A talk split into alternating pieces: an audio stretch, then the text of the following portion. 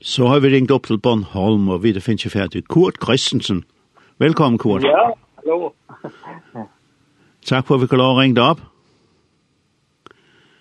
Er du med oss? Ja, jeg er med. Der er, der er sådan lidt støj på linjen. Vi prøver alligevel. Vi, vi er også langt væk. Ja, ja vi er langt væk, ja. Det, øh, jeg sagde tak for, at vi kunne få lov at ringe dig op. Og jeg ved ikke, om du hører os. Ja. Ja, ja, ja. Nu, nu går det bedre. Okay. Um, jeg siger, Bornholm har altid ligget så udsat eh for det ja. hele store politiske spil. Det fik vi også bekræftet nu. Det var en gaseksplosion, eller det var måske en sprængning eh ja. i forbindelse med øh, forsyning af gas til Europa fra Rusland og, og det store politiske spil. Eh hvordan ja. tager man det der over hos jer, de der, også 2. verdenskrig og så alt muligt, som nu ligger lige bagved? i tankerne?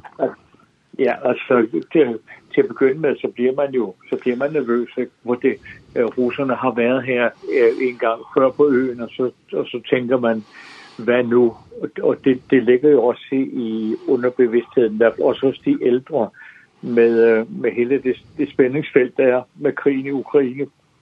Så der, der ligger lige den der tanke, hvad skal der ske med, med Bornholm? Øh, fordi det, det er jo, det ligger strategisk, ja. Yeah. og øh, øh, sammen, sammen med Gotland, ikke? og, og, og øh, at kunne lukke hele Østersøen, det, det, så vi ved godt, at det, det er sårbart.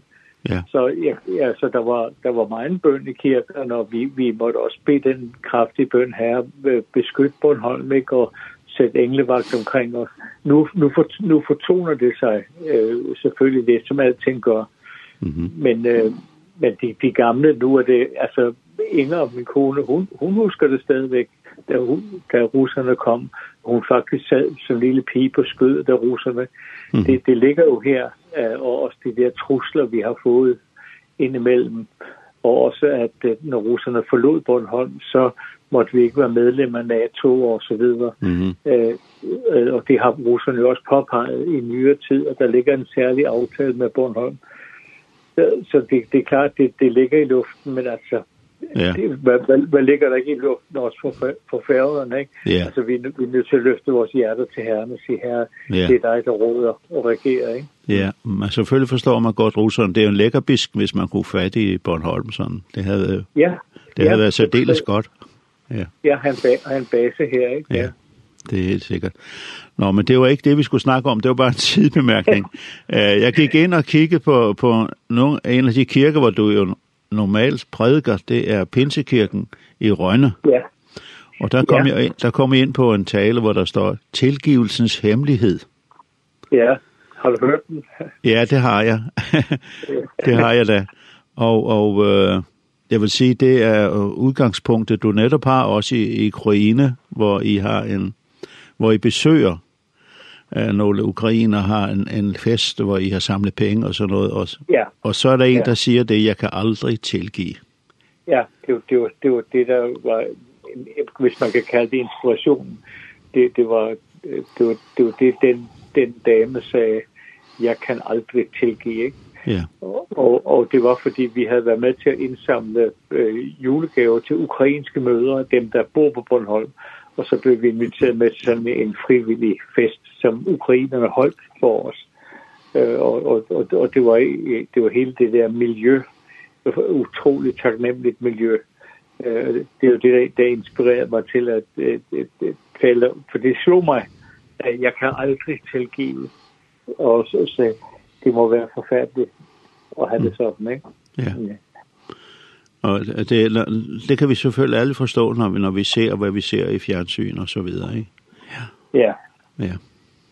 Jeg har stødt, jeg har stødt på det før i, i Frankrig, som du ved, hvor jeg har været en del øh, i Paris, og jeg talte i messiansk menighed. Da jeg så havde talt, så blev jeg opsøgt af, af en sammen med min tolk, øh, som siger, må jeg tale med dig? Øh, og så, så sagde han nøjagtigt det samme. Jeg kan ikke tilgive fordi nazisterne har slået hele min familie ihjel. Jeg er den ene, de kom koncentrationslejr. Jeg er den eneste, der er tilbage. og jeg glemmer aldrig de der store brune øjne. Øh, og, og jeg var lige ved at sige, det kan jeg godt forstå. Mm -hmm. pludselig, pludselig talte Helligånden i mig og sagde, sig det ikke, sig det ikke. Peg hen på Kristus, der gav sit liv på korset, og som sagde på korset, måske nærmest råbte fader, tilgiv dem de ved ikke, hvad de gør. Mm-hmm. Og, det, og det sagde jeg så til hende, og, fordi, og netop fordi Helligånden ved det, så rørte det hendes hjerte, og hun, hun, kom, hun kom ud en, en dejlig befrielse, hørte jeg så senere, ikke? Ja, ja. ja.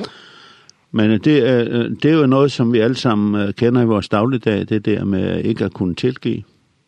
Ja. Ja, altså, øh, man støder på det overalt, og i, i virkeligheden, for, fra, den, fra den lille til, til den store øh, forsoning. Øhm, og jeg tror nok, jeg også i den der prædiken nævnte David, øh, kong David, som jo havde syndet i den grad øh, med, med, med hår og mor, og så kaster han sig ned for Guds åsyn, og så beder han jo den øh, gribende bøn i salme 31. Han siger, din hånd lå tungt på mig både det og nat, så bekendte jeg min synd for dig, og så tilgav du mig.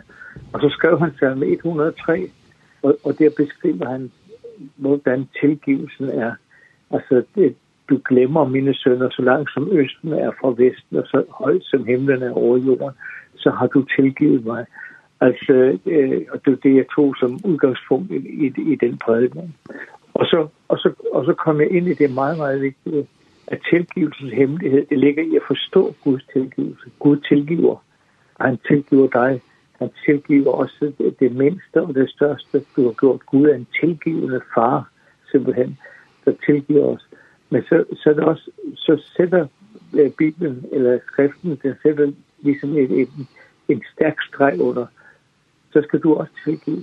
Mm. Altså hvis du, til, hvis du tilgiver Hvis du tilgiver dem, der er slået uret mod dig, vil Gud også tilgive dig. Hvis ikke du gør det, så vil Gud også huske på dine sønner. Mm -hmm.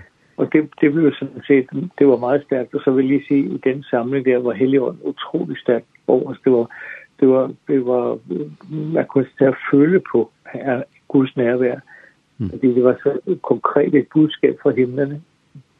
Ja.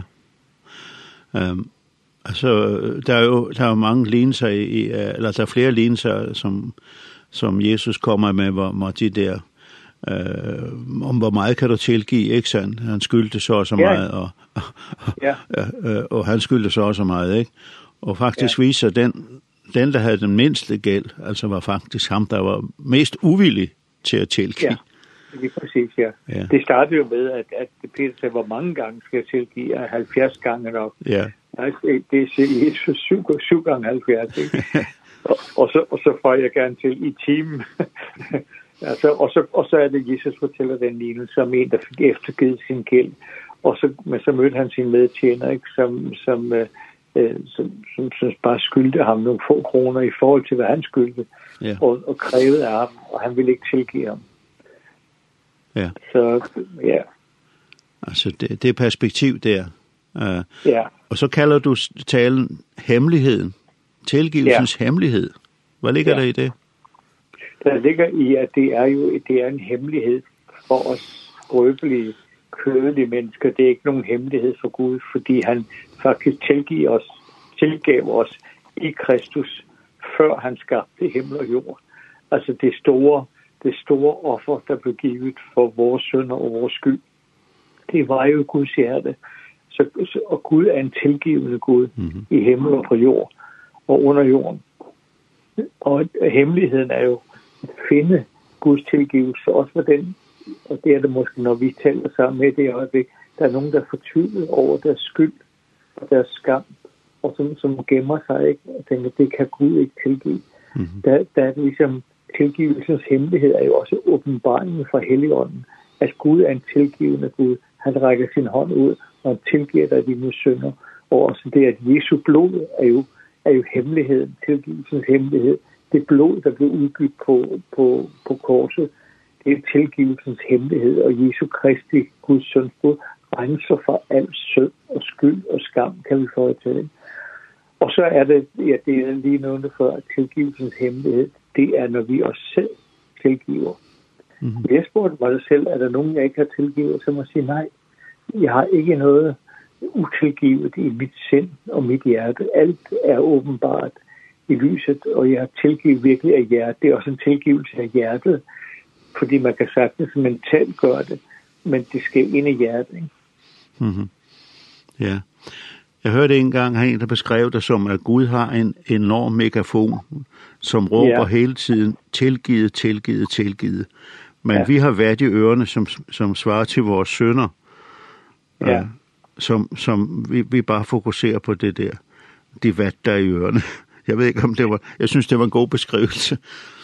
Ja. Ja, jamen det, det kan, så kan man også sige det. Man kan sige det på mange måder. Så var det også, ja. vi, har, vi har hørt nogle prædikner af, af vores præst her i to søndag, hvor han, at, han han talte om de to fortabte sønner i den der lignelse Lukas 15. Ja. Og, og, og jeg tror også, jeg nævnte i den prædiken, at den, den ene, øh, øh, han fandt tilgivelse i faderens sovn, og den anden bror, der så for han ville ikke tilgive sin bror. Nej. Hans overtrædelse, og, og der har vi også tilgivelsens hemmelighed. Ja. Den, den ene havde simpelthen, nu havde han gjort op med sin synd, han havde gjort op med det hele og sagde, kan jeg bare få lov at være i Herrens nærvær? Ja. Ja, bare det. Bare ja. i nærværen. Ja. Jeg har ikke brug for mere. Ja. Nej, men jeg, så, kan jeg, så kan jeg fortælle, fordi der er ingen, der ved, kender dem, jeg, jeg snakker med her. Men øh, når jeg så havde prædiket øh, den prædiken, øh, hvor jeg har prædiket i et par kirker, og gør det måske også på færgen, når vi kommer, øh, øh, for den er så, den er så central. Mm. Så, så er det en, der, der kom til mig under forbønnen, tårerne løb ned af kenderne, og fortalte mig, hvordan hun havde fået en, eller havde valgt en abort, og det har sådan plaget hende hele livet, ikke? Ja. Kan, Gud, kan Gud tilgive mig det? Og selvfølgelig fandt hun tilgivelsens hemmelighed. Mm. Men altså, det, det, det, det, det var for, for at nævne et umiddelbart eksempel. Og sådan er der mange eksempler. Jeg tror også, jeg nævnte det der med, at, at vi mennesker, vi sår hinanden så forfærdeligt hele tiden. Øh, og, og, og kan vi ikke bare snart holde op med det? Og så tror jeg også, jeg fortalte det, og det ved du også, jeg har talt om for det syn, jeg fik en gang på færgerne, hvor jeg lå nede i Philadelphia's bønnekælder der. Og så viste Gud mig syn, det, det, jeg får ellers ikke syner på den måde men han, han viste jo de her smukke fjelle, når det er grønt nu, som det snart bliver på færøerne. Og så, og, så, og så tog han det grønne væk, og så inde bagved, der var alle mulige kryb og alt muligt. Jeg blev helt forskrækket. Så sagde jeg, hvad er det sådan højt nede i bønnekælderen der? Så siger Gud, det er alt det skjulte i det færøske folk. Der ligger en masse uforløst og der ligger en masse bitterhed mod hinanden, mm. og folk er fængslet i bitterhed. Ikke? Og, jeg, og det fødte det fødte faktisk en forkyndelse, som jeg, jeg tog op nogle gange derop, for, for dog at se bitterheden i øjnene, og så blive befriet fra den bitre ro. Ja. Ja. Så det, det som du siger, vi er jo meget gode til at sove hinanden. Ja, det, det må det vi bare slå os for brystet og sige, det passer. Sådan er det bare. Det, jamen, jamen, det er også kirkeliv, Preben. Altså, det, det, det er det, jeg ser. Altså, jeg, jeg er næsten præst i tre kirker her. At, øh, jeg, jeg ser det jo, at det største problem, det er faktisk, at vi kristne, vi sover hinanden så dybt, og bliver så optaget af det, at vi glemmer verden omkring os. Fordi det er som min egen sovetid. Øhm, og det, det, er, det, det er virkelig et tankekors, synes jeg nogle gange. Men jeg, jeg prøver, prøver at tale om det og, og gøre det klart, at få, ikke bare klippe hækken, altså ikke bare, men få roet nok helt, helt ind i hjertet, hvad der, og så egentlig iklæde sig ydmygheden. Og selvom noget, der har ydmyget en, og, og, og man synes, man har ret til at være såret, mm -hmm. så, så gik slip på sin egen ret, og så bøj sig helt under Gud, og, og lad, lad hjertet blive ydmygt, så mm. ophøjer Gud det. Ja. Ja. Nå. ja, men, men øh, ellers, hvad har du ellers i forbindelse med, med, har du nogle andre ting, du vil sige i forbindelse med tilgivelse? Nej, altså, der er, der er mange ting at sige. Det, var, det er jo hele skriftens, det er jo hele, det er jo hele skriftens mønter. Det er også med, øh, altså tilgivelsens hemmelighed, det er jo også bekendelsen altså når vi, når vi bekender vores sønder. Og øh, ja, jeg er meget tilhænger af, at, øh, at vi bekender vores sønder også for hinanden. Det står det også der i Jakobs brev. Ja. Hvis nogen er syg, og så skal menighedens leder bede for ham, og hvis han er begået sønder, så skal det, så skal det tilgives ham bekendt, derfor jeg sønder for hverandre. Mm -hmm. Og så en retfærdig mands bøn har en mægtig virkende kraft.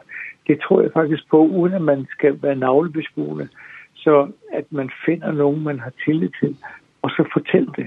Så snart man har bekendt sine sønder, så er der en tilgivelsens hemmelighed i det. Så, så, og og det, det, det må vi også for at lade være med at gå gennem på det. Mm -hmm. Vores modstander, Satan, han, han kan jo, han, det er jo fint, hvis vi går og gemmer det for os selv. Og det, det er ligesom æder os op indenfra. Ja. Det, det kan man jo godt sige. Jamen det kan man godt sige. Vi har en, vi har en modstander, og der er, der, der er dæmoner også i luften, som simpelthen vil knuse os og ødelægge os. Det betyder ikke, at vi mister vores evighed og plads i himlen, men det betyder, vi, betyder, at vi mister noget af det sprudlende, dejlige liv i helligånden på jorden, som, som Gud har skabt os til i Kristus, og, og givet helligånden, for at vi kan leve et, et, et harmonisk og ydmygt liv sammen med helligånden hele livet igennem. Ja. Nu er du, nu er du, I har rykket teltpælene op fra Nexø og nu er I flyttet til Rønne. ja. og, og du, du er, fungerer meget i, i de menigheder, der er der i Rønne, har jeg forstået. Ja, ja, det gør jeg faktisk. Det, det er jo en, der skriver til mig, du er præst for, for, for os alle.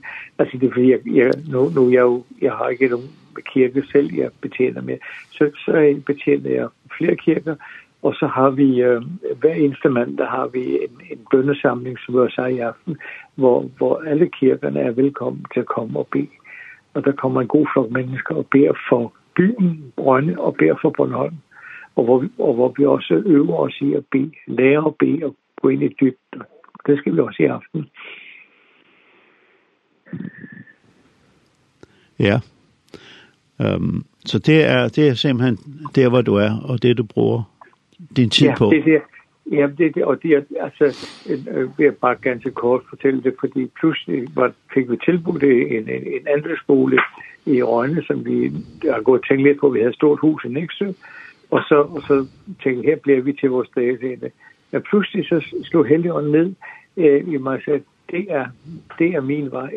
Og øh, så købte vi det næsten i blinde, og øh, så havde vi et hus, så satte vi vores hus til salg, Og den første, der kom og så på det, købte det til løbet af 14 dage, og vi købte så, og, og vi giver simpelthen herren her for det. Ja. At det, at det gik så hurtigt og så flot, ikke? Ja. Men Rønne, det var jo et sted, som ligger meget i dit, dit hjerte. Du kom dertil som ung mand. Ja, ja. Altså, jeg kom til øh, lige her, og det kan jeg se nu, mens vi taler, så kan jeg se bagsiden af Pinsekirken. Øh, vi, vi, vi bor lige ved siden af Pinsekirken, og vi har lavet hul i hækken, så vi kan komme hurtigt derhen. og, og, og, og jeg, har, jeg har nemlig reflekteret over det. Det var her, jeg startede og som forkynder, og det her mødte Inger, og, og det, det hele begyndte her. Og øh, nu slutter det hele her. Og så hedder den vej, vi bor, hedder Sagervej. Så ja, nu er jeg blevet til en Sager blot. ja. altså, jamen, det, er, det er faktisk et interessant profetisk øh, billede, ikke? Ja. Vi, vi ender simpelthen lige op af Pinsekirken. Der er jo skrevet ja. en bog om dit liv, som hedder Talsmanden. Ja. En meget interessant bog, og, og der i, der, hvis man læser bogen, og, som jeg selvfølgelig har gjort, så, så kan man godt se, at du hvordan det hele begynder for dig, den her pæne unge mand, som, som, ja. som er med som sådan en taskebær, Har du lyst til at fortælle den historie der? Den synes jeg er virkelig rørende.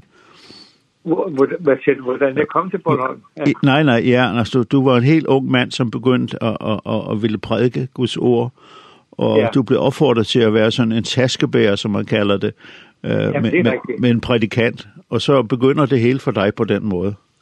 Ja, men det begyndte, det var, jeg var på, på en, en bibelskole i Oslo i fem uger, så det er min grunduddannelse. Så når jeg kom, til, når jeg kom tilbage igen, så var det forstanderen, Hans Friberg hedder øh, så går jeg ind til ham, for jeg, jeg stod helt åben til, hvad nu? Hvad skal jeg nu? Og så, så sagde han det meget vise ord, når jeg stod der og faktisk ikke havde flere ord, så siger han, her er jeg, send mig. Og så er det, han siger, vil du tage med mig til Aalborg, jeg skal op og holde nogle møder der. Og øh, det sagde jeg selvfølgelig ja til, og det var ikke for, at jeg skulle prædike, men jeg skulle netop bære hans taske. Og så, så, øh, og så kom vi til at bo på værelset sammen, og det betød meget, fordi han delte mange ting med mit unge hjerte. Øh, og så, så søgte jeg jo Herren der, øh, det har faktisk gjort hele livet, rigtig intensivt. Og, hvad det. og så var det, jeg hørte ligesom i Bornholm. Jeg havde ingen kendskab til Bornholm. Og øh, og så når jeg kom tilbage til tabermenigheden, som det hed dengang, så mødte jeg, at der var to forstander, to præster, og så mødte jeg den ældre af dem, og han sagde, at de har ringet fra Bornholm, at de har brug for en ung mand i ungdomsarbejde. Jeg tror, det er dig, sagde han. Og jeg sagde, ja, det, ja, ja, det er mig, sagde jeg, for fordi Gud har talt til mig om det, og jeg skal, jeg skal til Bornholm. Og så mødte jeg den anden præst, der var noget ømre, og så siger han, så siger han til mig, Bornholm, siger han, at det skal du ikke, fordi I slår dig ihjel derovre. så det, det var de to med, jeg sagde, jeg skal til Bornholm. Og jeg, det eneste, jeg ejede i denne verden, det var en sovepose, og så var der så en, der arbejdede i magasin i København. Han havde foræret mig 50 slips. Så jeg, jeg tog med natbåden til Bornholm med en sovepose og 50 slips. Det startede min karriere. ja. Og nu går, ja. lukker cirkel sig. Nu er det tilbage igen. Ja. Ja, ja. ja. Så, så det er, det, er, men det er, jeg kan anbefale nu, hvis man kan få fat i den bog mere, der, der er ikke flere tilbage. Men det er en historie, og det er ja. en historie, der giver herren ære alene, ikke? Ja. ja. ja. Det er nemlig det, den gør. Så det, det, er, det, det er bare ærgerligt, at den ikke er mere det ikke bliver genoptrykt, eller den er udsolgt, fordi det er jo en, ja, ja, en, en pragtfuld ja. bog, fortæller om livets kampe og sejre. Ja, ja. lige præcis. Ja. Men Kurt, du skal have tak for, at vi fik lov at ringe til dig og høre lidt om ja. tilgivelsens hemmelighed, som er det store problem for mange af os, ikke? Ja, men jeg, jeg, jeg vil sige det på at, at, at lytte til Helligånden, som så pludselig skralder det forkampet af og så, og, så, og så hører du simpelthen Herren siger, jeg har tilgivet dig. Og måske siger Herren også, husk nu at tilgive den, der har voldet dig ondt. Mm. Af hele dit hjerte. Det er en befrielse, simpelthen. Ja. Både, både for den, der har gjort noget imod dig, men også for dig selv. Det er den største befrielse, der findes. Det er tilgivelsens hemmelighed. Ja. ja. Begge bliver sat fri. Ja. Ja. Tak, tak for det, gå og hils øh, ja din dejlige kone Inger. Skal jeg gøre. Ja, ha en og... dag. Tak for ja, det. Hilsen til. Ja, ja. Hej, hej. hej.